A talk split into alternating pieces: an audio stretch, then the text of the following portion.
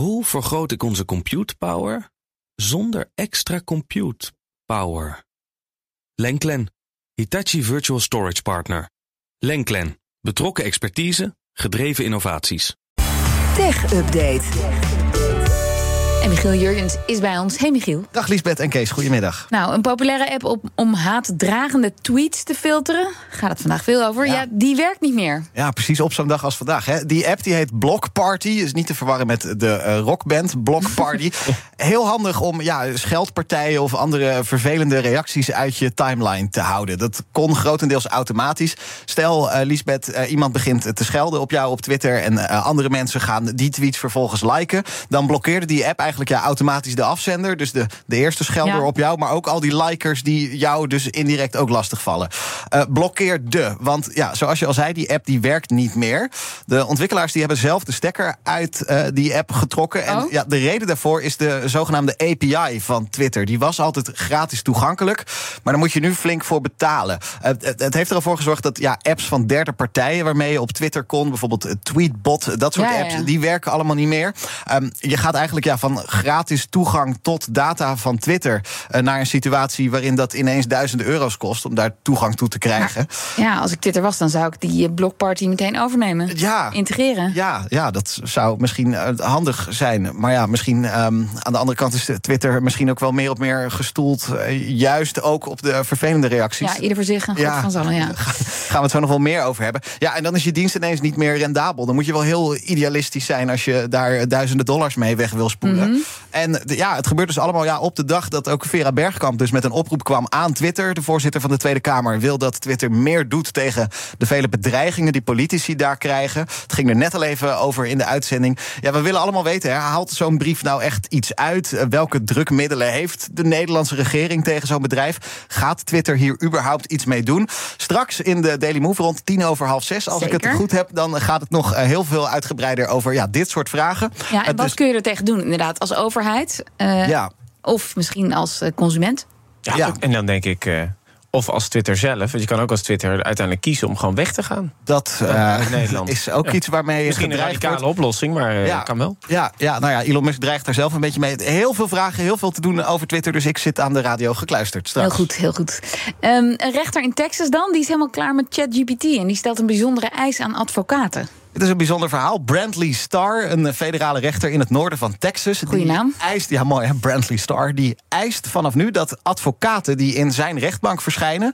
eh, vooraf verklaren dat zij in hun pleidooi geen gebruik hebben gemaakt van ja, generatieve AI-toepassingen. Zoals ChatGPT of BART van Google. Zij moeten vooraf een verklaring ondertekenen, meldt de website TechCrunch. Waarin die advocaat dus aangeeft dat ja, alles wat ik ga inbrengen, dat heb ik helemaal zelf geschreven, helemaal zelf bedacht. En als er dan toch een AI-tekstgenerator is gebruikt, dan moet dat ook echt driedubbel gecheckt zijn door een mens. En dat moet je ook met je handtekening eh, eh, verklaren. Aanleiding hiervoor is een incident. Dat was eerder deze week, ook in de Verenigde Staten. Er was een advocaat die in zijn pleidooi zes eerdere rechtszaken aanvoerde. Waarvan later bleek dat die zaken helemaal nooit hadden plaatsgevonden. Omdat die zes zaken uit de digitale duim van ChatGPT waren gezogen. Oh, die, die, die fantaseert ook, ChatGPT. Ja, Oké. ja, ja, ja, als je vraagt, joh, geef zes voorbeelden van rechtszaken waarin dit en dit gebeurde, dan eh, doet hij dat. Ja, ongeacht of het Is echt dat klopt niet of niet. strafbaar? Als advocaat, als je dat... dat eh, Lijkt mij wel. Dat, eh, dat weet ik ja, ik niet. snap, ben je maar, zit niet in het eh, Amerikaanse strafrecht natuurlijk. ik ben maar een simpele tech-redacteur, eh, Kees. Maar ja, kijk, toepassingen als ChatGPT, ook in de rechtspraak. Je kunt het best gebruiken, hè. teksten samenvatten en misschien net iets Ja. anders opschrijven. Maar ja, steeds opnieuw blijkt, je moet zo'n chatbot niet om nieuwe informatie vragen. Daar zitten gewoon heel veel fouten in. Moet je het niet voor gebruiken. Maar dat gaan we natuurlijk vaker zien. Ja. Dat mensen van tevoren een verklaring willen zien... waarin je verklaart geen gebruik te hebben gemaakt van. Dat denk ik ook. Voor zover bekend, dit is de eerste rechtbank die zo'n stelt. Maar het, ja, het zou mij niks verbazen als we dit echt veel vaker gaan zien. Ook in andere sectoren, inderdaad. Ja. Uber Eats heeft 2000 extra robots aangenomen om maaltijden te bezorgen. ja, nog even heel snel. Die bezorgrobots die rijden sinds een klein jaar al door delen van eh, Los Angeles. Ik Het heb zijn ze wel soort- gezien. Ja, het zijn een soort kubus op wielen. Ze hebben ook een naam. Er zitten dan opgeplakt in een soort ja, ogen in de vorm van lampjes. Uber Eats werkt samen met Surf Robotics, een bedrijf dat zich hier helemaal op toelegt. Nou, dat is blijkbaar goed bevallen, want ja, die bedrijven maken vandaag dus samen bekend, Uber Eats en eh, Surf Robotics, dat er nog eens 2000 robots bij komen om ja, op op meerdere plekken in de Verenigde Staten pizza's en burrito's en zo te gaan bezorgen. Volgens Surf Robotics zelf zijn die bezorgrobots heel slim, autonoom, kunnen van alles. Rijden over de stoep, ze stoppen netjes Ja, voor stoplichten. Ja. Eh, het is zelfs zo dat ja, als er een obstakel is, dan zou die ook zelf een nieuwe route moeten uitstippelen. Maar er zijn ook heel veel voorbeelden waar dat helemaal niet goed gaat. Het internet staat echt vol met filmpjes, kun je wel eens opzoeken. Ook bezorgrobots die zich klemrijden. Ehm, ik zag zelfs, best wel erg, een video van een plaatsdelict. eh, Afgezet met politielinten.